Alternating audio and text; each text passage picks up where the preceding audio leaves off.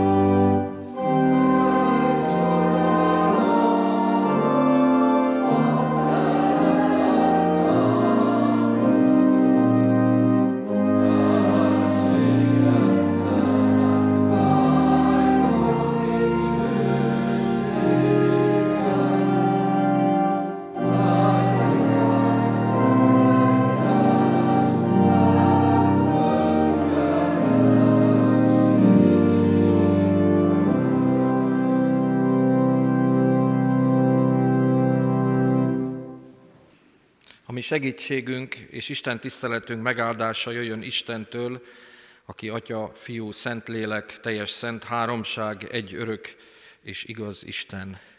Amen. Imádkozzunk. Örökkévaló Isten, szerető mennyei édesatyán, köszönjük neked, hogy ezen a délutáni esti órán összegyűjtöttél bennünket erre a helyre, azért, hogy beszélj a mi szívünkkel, szólj a mi lelkünkhöz, formáld a mi gondolkodásunkat, egész életünket. Könyörgünk hozzád, hogy a te szent lelkedet küld el közénk, és ő munkálkodjon a hirdetett igén keresztül mindannyiunk szívében. Az Úr Jézusért kérjük, hallgass meg kérésünket. Amen.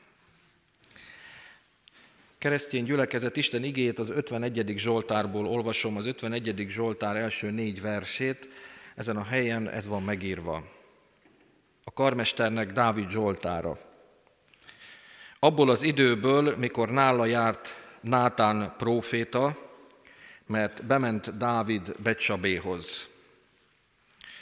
Könyörülj rajtam kegyelmeddel, Istenem, töröld el hűtlenségemet nagy irgalmaddal. Teljesen mosd le rólam bűnömet, és védkemtől tisztíts meg engem. Eddig van az ige, a gyülekezet foglaljon helyet. Kedves testvérek, keresztény gyülekezet, ezen a héten az eltervezett program szerint az 51. Zsoltáról lesz szó minden este. Az egyházban ezt a Zsoltárt bűnbánati Zsoltárnak nevezzük, és ha otthon olvasgatják a testvérek, akkor látni fogják, hogy a tartalma miatt nevezik ezt bűnbánati Zsoltárnak. Négy gondolatot szeretnék átadni a testvéreknek a mai ige szakaszhoz kapcsolódóan. Az első gondolat ennek a Zsoltárnak a körülményeit taglalná egy kicsit. A Zsoltárhoz csatolt bevezetőből ugyanis megtudjuk azt, hogy ezt a Zsoltárt egy Dávid nevezetű ember írta, tudjuk az idejét, hogy mikor írta ezt a Zsoltárt, és megtudjuk azt az okot is, ami ennek a Zsoltárnak a megírásához vezetett. Röviden a hátteréről annyit hadd mondjak el, amit a jelenlevők közül sokan egész biztosan tudnak, hogy ez a Dávid saját korának az egyik legkomolyabb lelki tekintélye, szellemi vezetője volt. A Biblia Istenében hit, zsidó ember volt, és életének a legnagyobb részét következetesen lelki szempontok alapján élte. A zsidó nép úgy tartja mind a mai napig őt, mint a saját népüknek a legjelentősebb személyiségét, hiszen nem csak az Isten félelme volt példaképe a zsidó népnek, hanem 40 éven keresztül királya is volt ennek a népnek, és úgy emlékeznek rá, mint a legjobb királyukra. De ő sem volt hibátlan ember, és ahogy lenni szokott a közszereplőknél, mivel saját korában ő is a nemzetközi és a otthoni figyelem középpontjába élte az életét, ha valami kis hibát elkövetett, rögtön azon csámcsogott mindenki. A nagy hívő mit csinál? Nem volt hibátlan ember. Életének azonban egy adott pillanatában elkövette az élet egyik legnagyobb hibáját, amiről a Biblia meglepő részletességgel beszámol nekünk, mint utólag kiderült, azért számolt be a Biblia, mert Dávid azt akarta, hogy ez legyen benne a Bibliában. Legyen benne az 51. Zsoltár is a Bibliában. Egy egyszerű flörtnek induló kapcsolat odáig jutott az életében, és odáig fajult, hogy teherbe ejtette az egyik katona tisztjét, tisztjének a feleségét, bocsánat, és mindenki tudja, ezt az asszonyt Becsabénak hívták, és odáig fajult a dolog, hogy a nyilvánosság elkerülése céljából Dávid megölette ezt a felszarvazott férjet. Emberileg nézve ez az ügy le is záródott, legalábbis úgy tűnt a férfi halálával, de az esemény sor nem múlt el nyom nélkül ebből az emberből, Dávidból. Az ismert katasztrofális erkölcsi bukás után ez a Dávid szemmel láthatólag a környezete számára is tapasztalható módon lelki letargiába esett, depresszióba süllyedt, és ebből az akkori kor egyik vezető lelki személye, akit úgy hívtak, hogy Nátán próféta, ő mozdította ki. Ezzel a lelki vezetővel való beszélgetés nyomán Dávid megtelt önutálattal, tettét mindenféle magyarázkodás nélkül, mármint a házasságtörését és a gyilkosságot is, minden tiltakozás és magyarázkodás nélkül bűnnek nevezte, és megalázkodással és alázattal Istenhez fordult bűnbocsánatért, nyilvánosságra hozta ezt az egész ügyet azzal a szándékkal, hogy bizonyosságot tegyen a bűnbánatáról és a megtéréséről. És miután lelkében rendezte Isten ezt az ügyet, megírta ezt a Zsoltárt, amit javaslok mindenkinek, hogy otthon olvasgasson, akár minden nap, és azért írta meg ezt a Zsoltárt, hogy példát adjon a kortársainak, példát adjon az utókornak arra, hogy így nekünk is, hogy ha hasonló helyzetbe jutunk, hívő emberként bűnbe kerülünk, akármilyen nagy bűnbe is, akkor tudjuk, hogy milyen lehetőségeink vannak, és milyen a helyes teendő. Ilyenkor semmi más nincs, amikor a hívő ember bűnbe esik, mint a bűnbánat, a bűnvallás Istennek. Ez az emberi lélek páratlan gyógyszere, ami meg tudja gyógyítani a bűnös embert. Ezért lesz szó ezen a héten a bűnbánatról és annak különböző aspektusairól. Ennyit bevezetőképpen az 51. Zsoltárhoz. A második gondolat, amit szeretnék a testvéreknek elmondani, az az, hogy nincs könnyű dolga a bibliolvasó embernek ma, amikor a bűnről, bűnbánatról, meg ilyesmikről beszélünk. Ez azért van, mert a pszichológia annyira átjárja a mai gondolatainkat, hogyha azt halljuk, hogy bűn, akkor sokan pontosan nem értik azt, hogy miről van szó, és nem is értik, hogy miért kell erről beszélni. Mégpedig azért, mert a bűn az egy rossz dolog, és azt mondják, hogy ha ezekről beszél az ember, az negatívá teszi a gondolatainkat, ami rossz az emberi léleknek. Korunkban ugyanis az egyik legfontosabb dolog, amit mindannyian hallunk, az, hogy minden embernek helyes önbecsülése legyen. Az önbecsülés hirdetőinek hitvallása szerint nincsenek rossz, bűnös emberek, csak olyanok, akik rosszat gondolnak magukról. És ettől kell megszabadítani a gyerekeket, a fiatalokat, a felnőtteket. Hát, ha nem gondolunk rosszat magunkról, akkor boldogok leszünk, megoldódnak a lelki problémáink. És a modern pedagógia, a pszichológia, sokan, sokszor már most lelkészek is úgy beszélnek a helyes önbecsülésről, mintha annak a helyre állítása, ez lenne az emberi lélek minden bajára a csoda gyógyszer. Helyesen gondolkozzunk önmagunkról. Ezért hirdetik, hogy csak a pozitív dolgokról beszéljünk és gondolkozunk, mert ezáltal lesz jobbá az ember. A furcsaság azonban az, amit tapasztalunk is, hogy bár soha nem látott mértékben vannak az emberek jó véleménnyel önmagukról, a társadalom teljes spektrumát, ha tanulmányozzuk, felismerjük azt, hogy erkölcsileg hihetetlen mélyponton van a társadalom.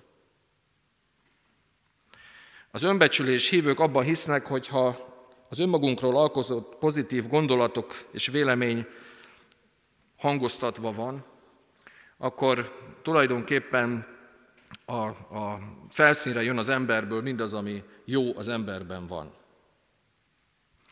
Vagyis minél jobb képet formálunk magunkról, önmagunkban, annál jobb emberek leszünk, és minél több ember jót gondol saját magáról, és nem a bűnről, meg a rossz dolgokról beszél, annál boldogabb lesz a társadalom. Keresztény könyvpiacon nézzék meg a testvérek, hogy a legkeresettebb könyvek az önbecsülésről szólnak, és a pozitív gondolkodásról.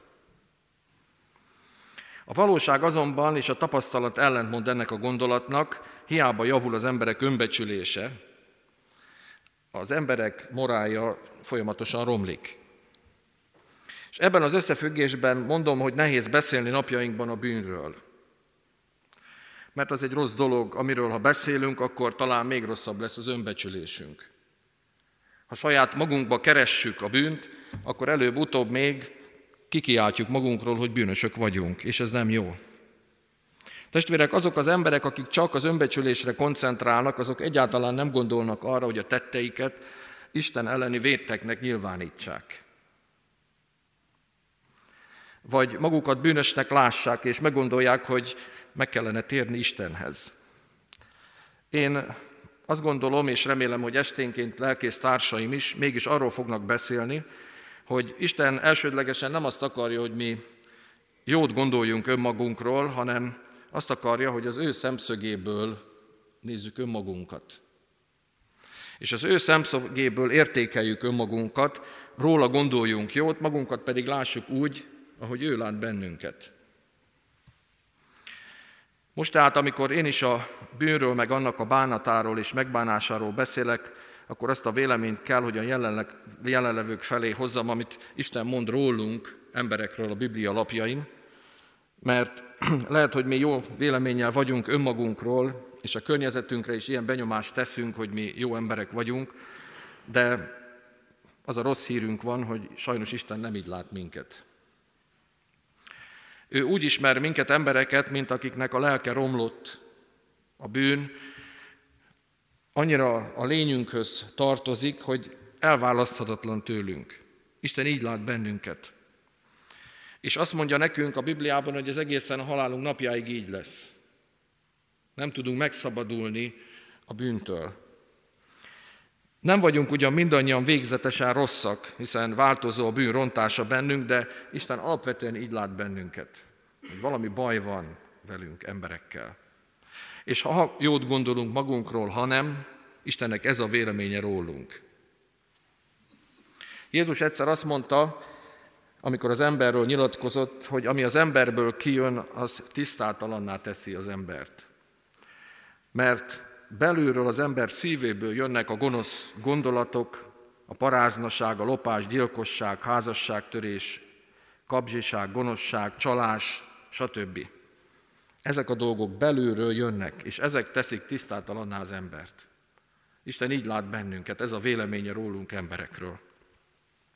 Az emberek születésüktől fogva Isten szerint nem jók, hanem éppen rosszak. És talán viccesen hangzik, de sokan azért érezzük magunkat bűnösnek a lelkünkbe, mert bűnösök vagyunk. Nem azért, mert valaki ezt bemesélte nekünk, hanem azt érezzük, amilyenek vagyunk és az sem segít, ha jó dolgokat gondolunk magunkról, vagy ha elhesegetjük magunktól a rossz dolgokat, és csak pozitívan gondolkozunk. Attól, hogy nem gondolunk a rosszra, a bűnre, attól még van bűn bennünk. Attól, hogy a struc politikát folytatjuk, attól még a valóság nem változik. Nézzük meg ezt az ember Dávidot, aki talán azt tette, amit mi is sokszor teszünk, hogy saját magát nagyon jónak gondolta, kitűnő véleménye volt magáról, de amikor az Isten jelenlétébe jutott, amikor megtudta, hogy Isten mit gondol róla, összetört. Talán mi is így vagyunk. Amíg az Isten jelenlétében nem jut az életünk, nagyon jókat gondolunk magunkról, biztatjuk magunkat pozitív gondolatokkal, de amikor az Isten közelébe érkezünk, egyszer csak összetörik az ember. Még közülünk az is, aki a legjobb, az Isten szentségének a körzetébe összedől az ember. Ezért kell az embernek a Bibliát kinyitni és olvasni, mert ott mindenki megismerheti önmagát. Úgy, ahogy Isten lát bennünket. És felismerheti mindenki az élete nagy gondját, de egyben a gyógyulást is. És ezt tesszük esténként mi is itt, és ez történik itt, úgy gondolom, vasárnaponként is. Isten szembesít mindannyiunkat azzal, hogy ő milyennek lát minket. A harmadik gondolatra térnék át. Szeretnék arról a bajról beszélni a kedves testvéreknek, hogy az ember sajnos végtelenül nagy bűntűrő képességgel rendelkezik. Rögzíthetjük ezt a tényt a Zsoltár író esetében, hiszen szinte hihetetlen az a körülmény, hogy egy ilyen ember, aki ilyen kiváló lelki életet élt, mint ahogy azt ismerjük is, az élete legnagyobb részében érzékeny lelkiismeretű ember volt. Mégis több mint egy éven át abban a veszélyes állapotban volt, hogy eltitkolta, elfolytotta magába a gyilkosság és a házasság törés bűnét. Semmi más, csak a sátáni befolyással magyarázható a lelkiismeretnek ilyen kábulata, aminek a következtében figyelmén kívül helyezte Istent, semmibe vette az örökkévaló Isten parancsát, az ő alapve, legalapvetőbb törvényeit. Ez az ember egy éven keresztül majdnem úgy mutatta magát a családtagjainak, a kortársainak, mint akinél látszólag minden rendben van. Nincs miért lelkiismeret furdalása legyen. Nem érezt, érzett semmit a bűn miatt, amit elkövetett. Talán még másokat is kioktatott. És egészen addig így volt, amíg Istennek a profétája föl nem kereste. Azt gondolom, hogy az idő múlásával egyre több lelki energiát emésztett föl Dávidban a bűnnek a titkolása. És az, hogy úgy csináljon, mintha ő vele minden rendben lenne. Sokan vagyunk ma is ilyenek. Magunkat keresztjénnek valló emberek, akik titkos bűnökkel élünk együtt a szeretteink között, úgy teszünk, mintha minden rendben lenne. Még sajnáltatjuk is magunkat, amikor talán a lelkünkben eltitkolt bűnök miatt talán pszichoszomatikus betegségek törnek ránk, sajnáljanak minket. Nem gondoljuk, hogy Dávid ebben az időszakban olyannyira megfosztatott volna a vallásos tudatától, hogy többé már nem ismerte volna a maga fölött Istent. Minden valószínűség szerint folytatta a napi imádkozást, részt vett az Isten tiszteleteken, igyekezett az életét Isten törvényének megfelelően alakítani. Nincs okunk azt feltételezni, hogy az isteni kegyelem ismerete teljesen kihalt volna a szívéből, hanem csak az elvakultság egy időre vette birtokába őt. Egy adott pillanattól kezdve teljesen érzéketlenné vált arra, hogy mit követett el, és hogy Isten haragszik rá. Keresztény gyülekezet, jól tesszük, ha remegve nézzük ezt a tényt, hogy egy ennyire szent próféta és kiváló ember ilyen állapotba süllyedhet, hogy titkolja hosszú távon a bűneit, anélkül, hogy megbánná azokat, akkor mi van velünk, akik Dávidhoz még csak közelíteni se közelíthetünk. Látványos példáját látjuk itt, ugyanakkor Isten kegyelmének abba, hogy elküldte az ő profétáját Dávidhoz. Hogy jó útra térítse, miután elkóborolt ez az ember az isteni helyes útról. Dávid a paráznaság és a gyilkosság bűnével nagyon messzire került Istentől, mégis az isteni jóság feltűnő módon mutatkozott meg abba, hogy helyreállította ezt az embert. És az, hogy Dávidból nem aludt ki teljesen a hit, bizonyítja az a tény, hogy amikor a próféta megjelent nála, akkor rögtön azt mondta, védkeztem az Úr ellen. Pontosan tudta, hogy mit követett el. Csak eddig elhallgatta. És összetört a lelkébe. És igazat adott az Isten lelkének, helyt adott az életébe a feddésnek és a helyesbítésnek. Keresztény gyülekezet ebben a vonatkozásban példát mutat mindenkinek, ez az ige, aki védkezhet Isten ellen, és védkezik Isten ellen, arra tanítva minket, hogy alázatosan engedelmeskedjünk annak, amikor Isten megint bennünket a bűneink miatt. Az ő szolgái gyakran elküldi hozzánk, és arra biztat minket, hogy térjünk meg, mert ha megmaradunk a bűneinkben, akkor még nagyobb lesz a baj. És ezt meg kell nekünk gondolnunk, Isten lehetőséget ad arra nekünk is, hogy elhagyjuk azt, és megbánjuk, és megvalljuk, amiben benne vagyunk talán most is. Ne hagyjuk, hogy a lelki energiáinkat a bűneink titkolása emészze fel. Végül az utolsó gondolatra térnék még át. Dávid király miután összetört Isten jelenlétében, és miután ki is mondta és be is vallotta a bűnét, megbocsátásért imádkozott Istenhez. És ez az, amire tanít minket is most ez az ige. Azt látjuk ebben a Zsoltárban, ha elolvassák majd a testvérek, és estéről estére hallani fogják, hogy Dávid rádöbbent az ő bűne nagyságának a jelentőségére. Rádöbbent arra, hogy milyen súlyos bűnt követett ő el, és a Zsoltárból kiderül, hogy a bűnének megfelelő komolysággal kezelte a bűnbánatot is. Nem elégedett meg azzal, hogy annyit mondjon Istennek, amit mi szoktunk mondani egymásnak, hogy bocsi, vagy bocsika. Hopp, itt valami hibát követtem el. Nem erről van szó.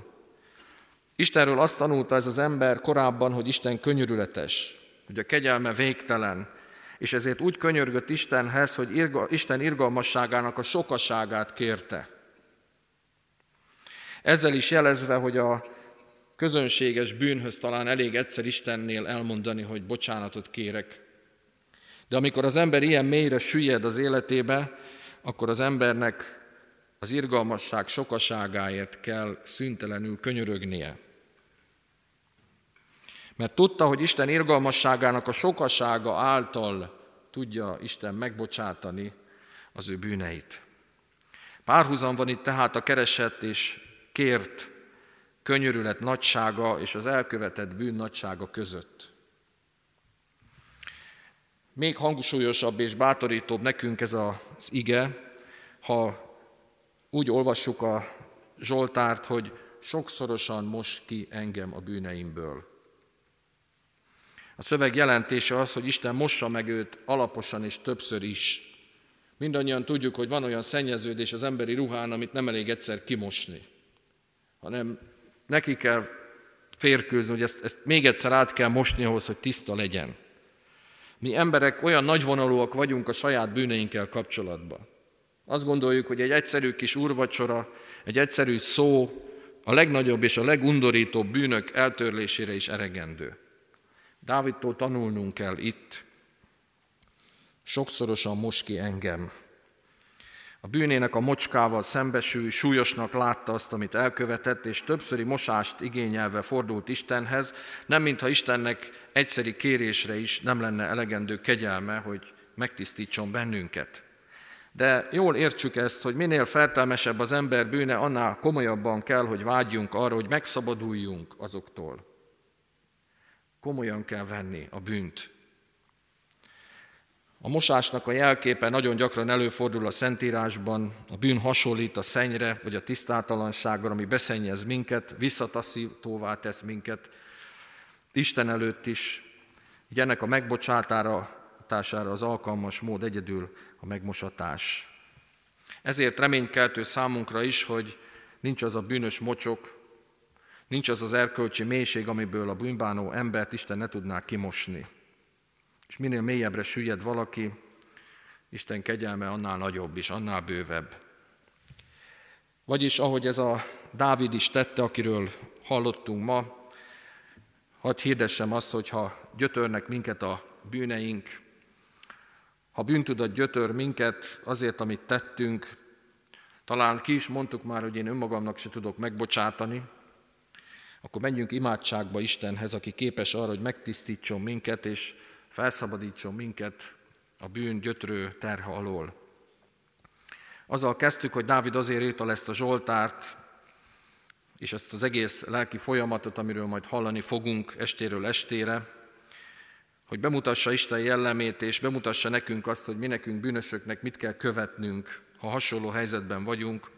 Biztatom a testvéreket, magamat is, meg mindannyiunkat, hogy kövessük ezt, amit itt a Zsoltárban mond nekünk Isten, az az Isten, aki neki megbocsátott, azt a katasztrofális bűn áradatot, amit ő elkövetett, kész volt megbocsátani neki, az az Isten nekünk is hirdeti, hogyha megvalljuk a bűneinket, ő megbocsátja azokat, és megtisztít minket minden gonoszságtól. Amen. 215-ös dicséretet énekeljük, mind a, vagy az első négy versével. 215-ös dicséret első négy versét.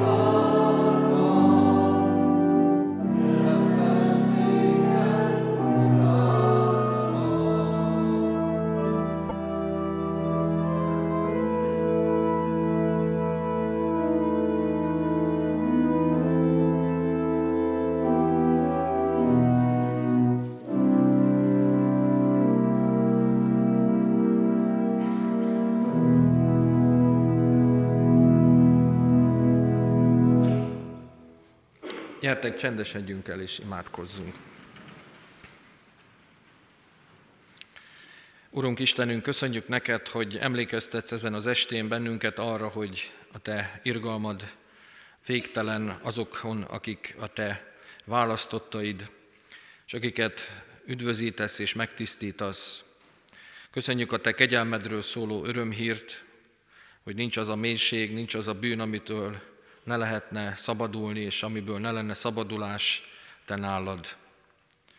Hadd kérjünk arra, hogy ne hagyj minket a bűnben, ne hagyd, hogy a bűn felemészen teljesen bennünket, könyörülj rajtunk, hogy hagy térjünk Te hozzád, hadd tegyünk bűnvallást, megismerve a mi nyomorúságunkat.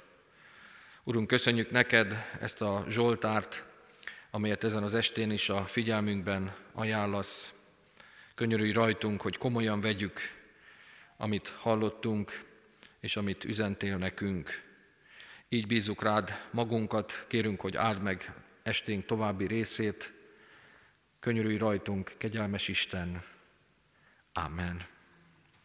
Mondjuk el közösen az Úr Jézustól tanult imádságot. Mi, atyánk, aki a mennyekben vagy, szenteltessék meg a te neved. Jöjjön el a te országod, legyen meg a te akaratod, amint a mennyben, úgy a földön is.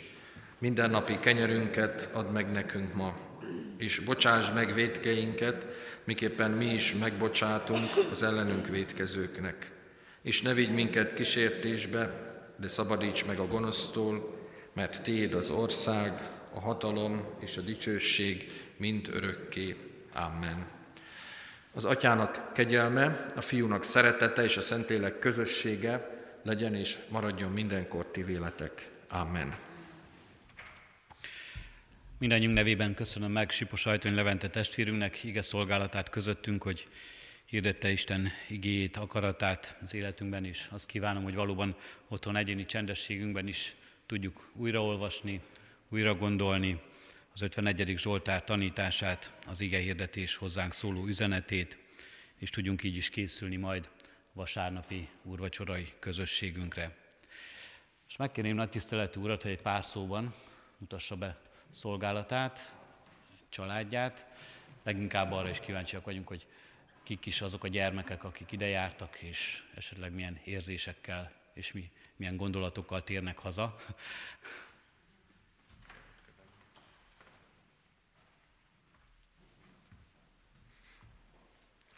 Ahogy hallották is a testvérek, Sipos Ajtony Levente vagyok, Soltvat kerten vagyok lelki pásztor, és ott élünk a családunkkal. A feleségem, mert Zitának hívják, és végzettsége szerint francia nyelvtanár. A Isten kegyelméből hét gyermekünk van, őket neveljük, és hát itt a tanári kar már ismerheti a gyerekeink egy részét, hiszen a legnagyobb lányunk ő Bíbor Klára, ő most már ugyan Budapesten van az egyetemen, de itt tanult, itt lakott a kollégiumban. A második gyermekünk Villő Kamilla, ő itt érettségizett a református gimnáziumban, és itt van a fiam, Sipos Őrs Lehel, egy pillanatra Őrs, állj már föl, légy szíves, hogy azonosítson mindenki, hogy kopaszok tartsunk össze. Nálam még csak vállalt a kopasság, nálam már biológiai adottság. Na, ő 11-es, és akkor van még otthon egy csomó gyerekünk, Zente Kolos, ő most 8 és valószínűleg ő is jönni fog majd ide. Aztán Merse Zalán, ő hatodik osztályos az általános iskolában Soltvatkerten, Kende Györk, ő harmadik osztályos, és a kislányunk Zille Iringó, ő pedig első osztályos otthon Soltvatkerten. 2001-be, 2001-be kerültem Soltvatkertre, és azóta szolgálunk ott. A Soltvatkerti gyülekezetet, hát nincs olyan nagyon messze, biztos ismerik a testvérek, megközelítőleg 800 református él Soltvatkerten, ezek közül egy olyan 530-40 fő, akik több-kevesebb intenzitással tartják a kapcsolatot a gyülekezetünkkel. Templomba 80 kötőjel 120 körül járnak az emberek, 70 és 80 között van a hittanosoknak a száma, akiket a helyi evangélikus iskolába oktatunk hittanra. Hát elég sok gyülekezeti alkalmunk van, ahhoz képest nem vagyunk nagy gyülekezet, de az emberek szívesen jönnek, vagy tartják a kapcsolatot az egyházzal, és egy csomó kerti diák itt tanul a Kecskeméti gimnáziumban, meg a kollégiumban itt laknak az ifjúságinkból is, a gyülekezeti ifjúságból, és hát ilyen módon tartjuk a kapcsolatot Kecskeméttel. Soltvatkerten egyébként a gyülekezetnek van egy bentlakásos otthona, idős otthona, 68 fő lakik ott az otthonban, ez egy fontos szolgálati ága a gyülekezetünknek, nem ez a fő profilunk, nem erre koncentrálunk, de hát ez is ott üzemel, és végezzük ott ezt a nem könnyű szolgálatot. Mire kell még kitérnem, közben nézem a nagy tiszteletű urat. Jobb lett volna több kérdés, mert akkor az ember könnyebben válaszol rá.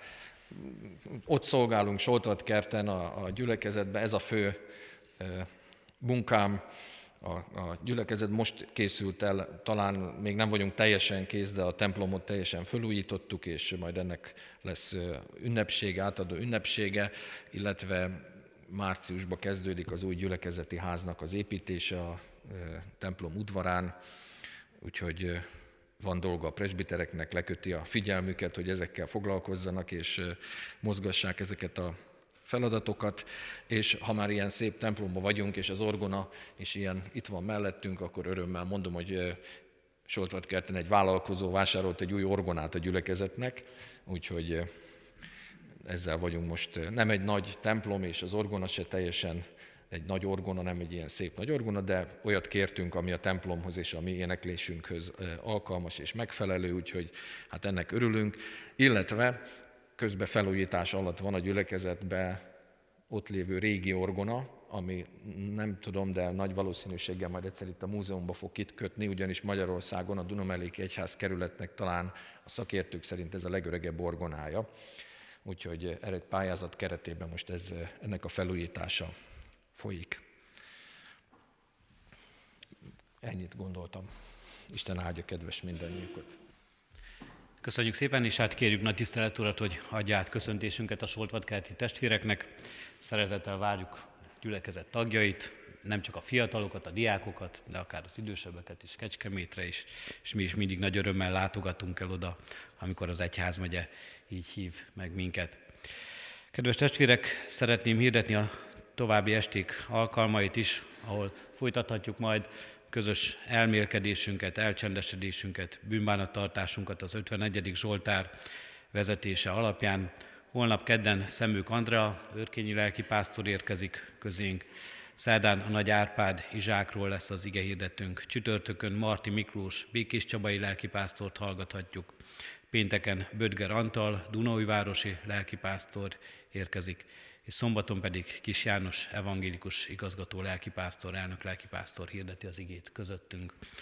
Jöjjünk, legyünk ebben a közösségben is együtt, hallgassuk meg az ige hirdetőkön keresztül Isten üzenetét az életünkre nézve.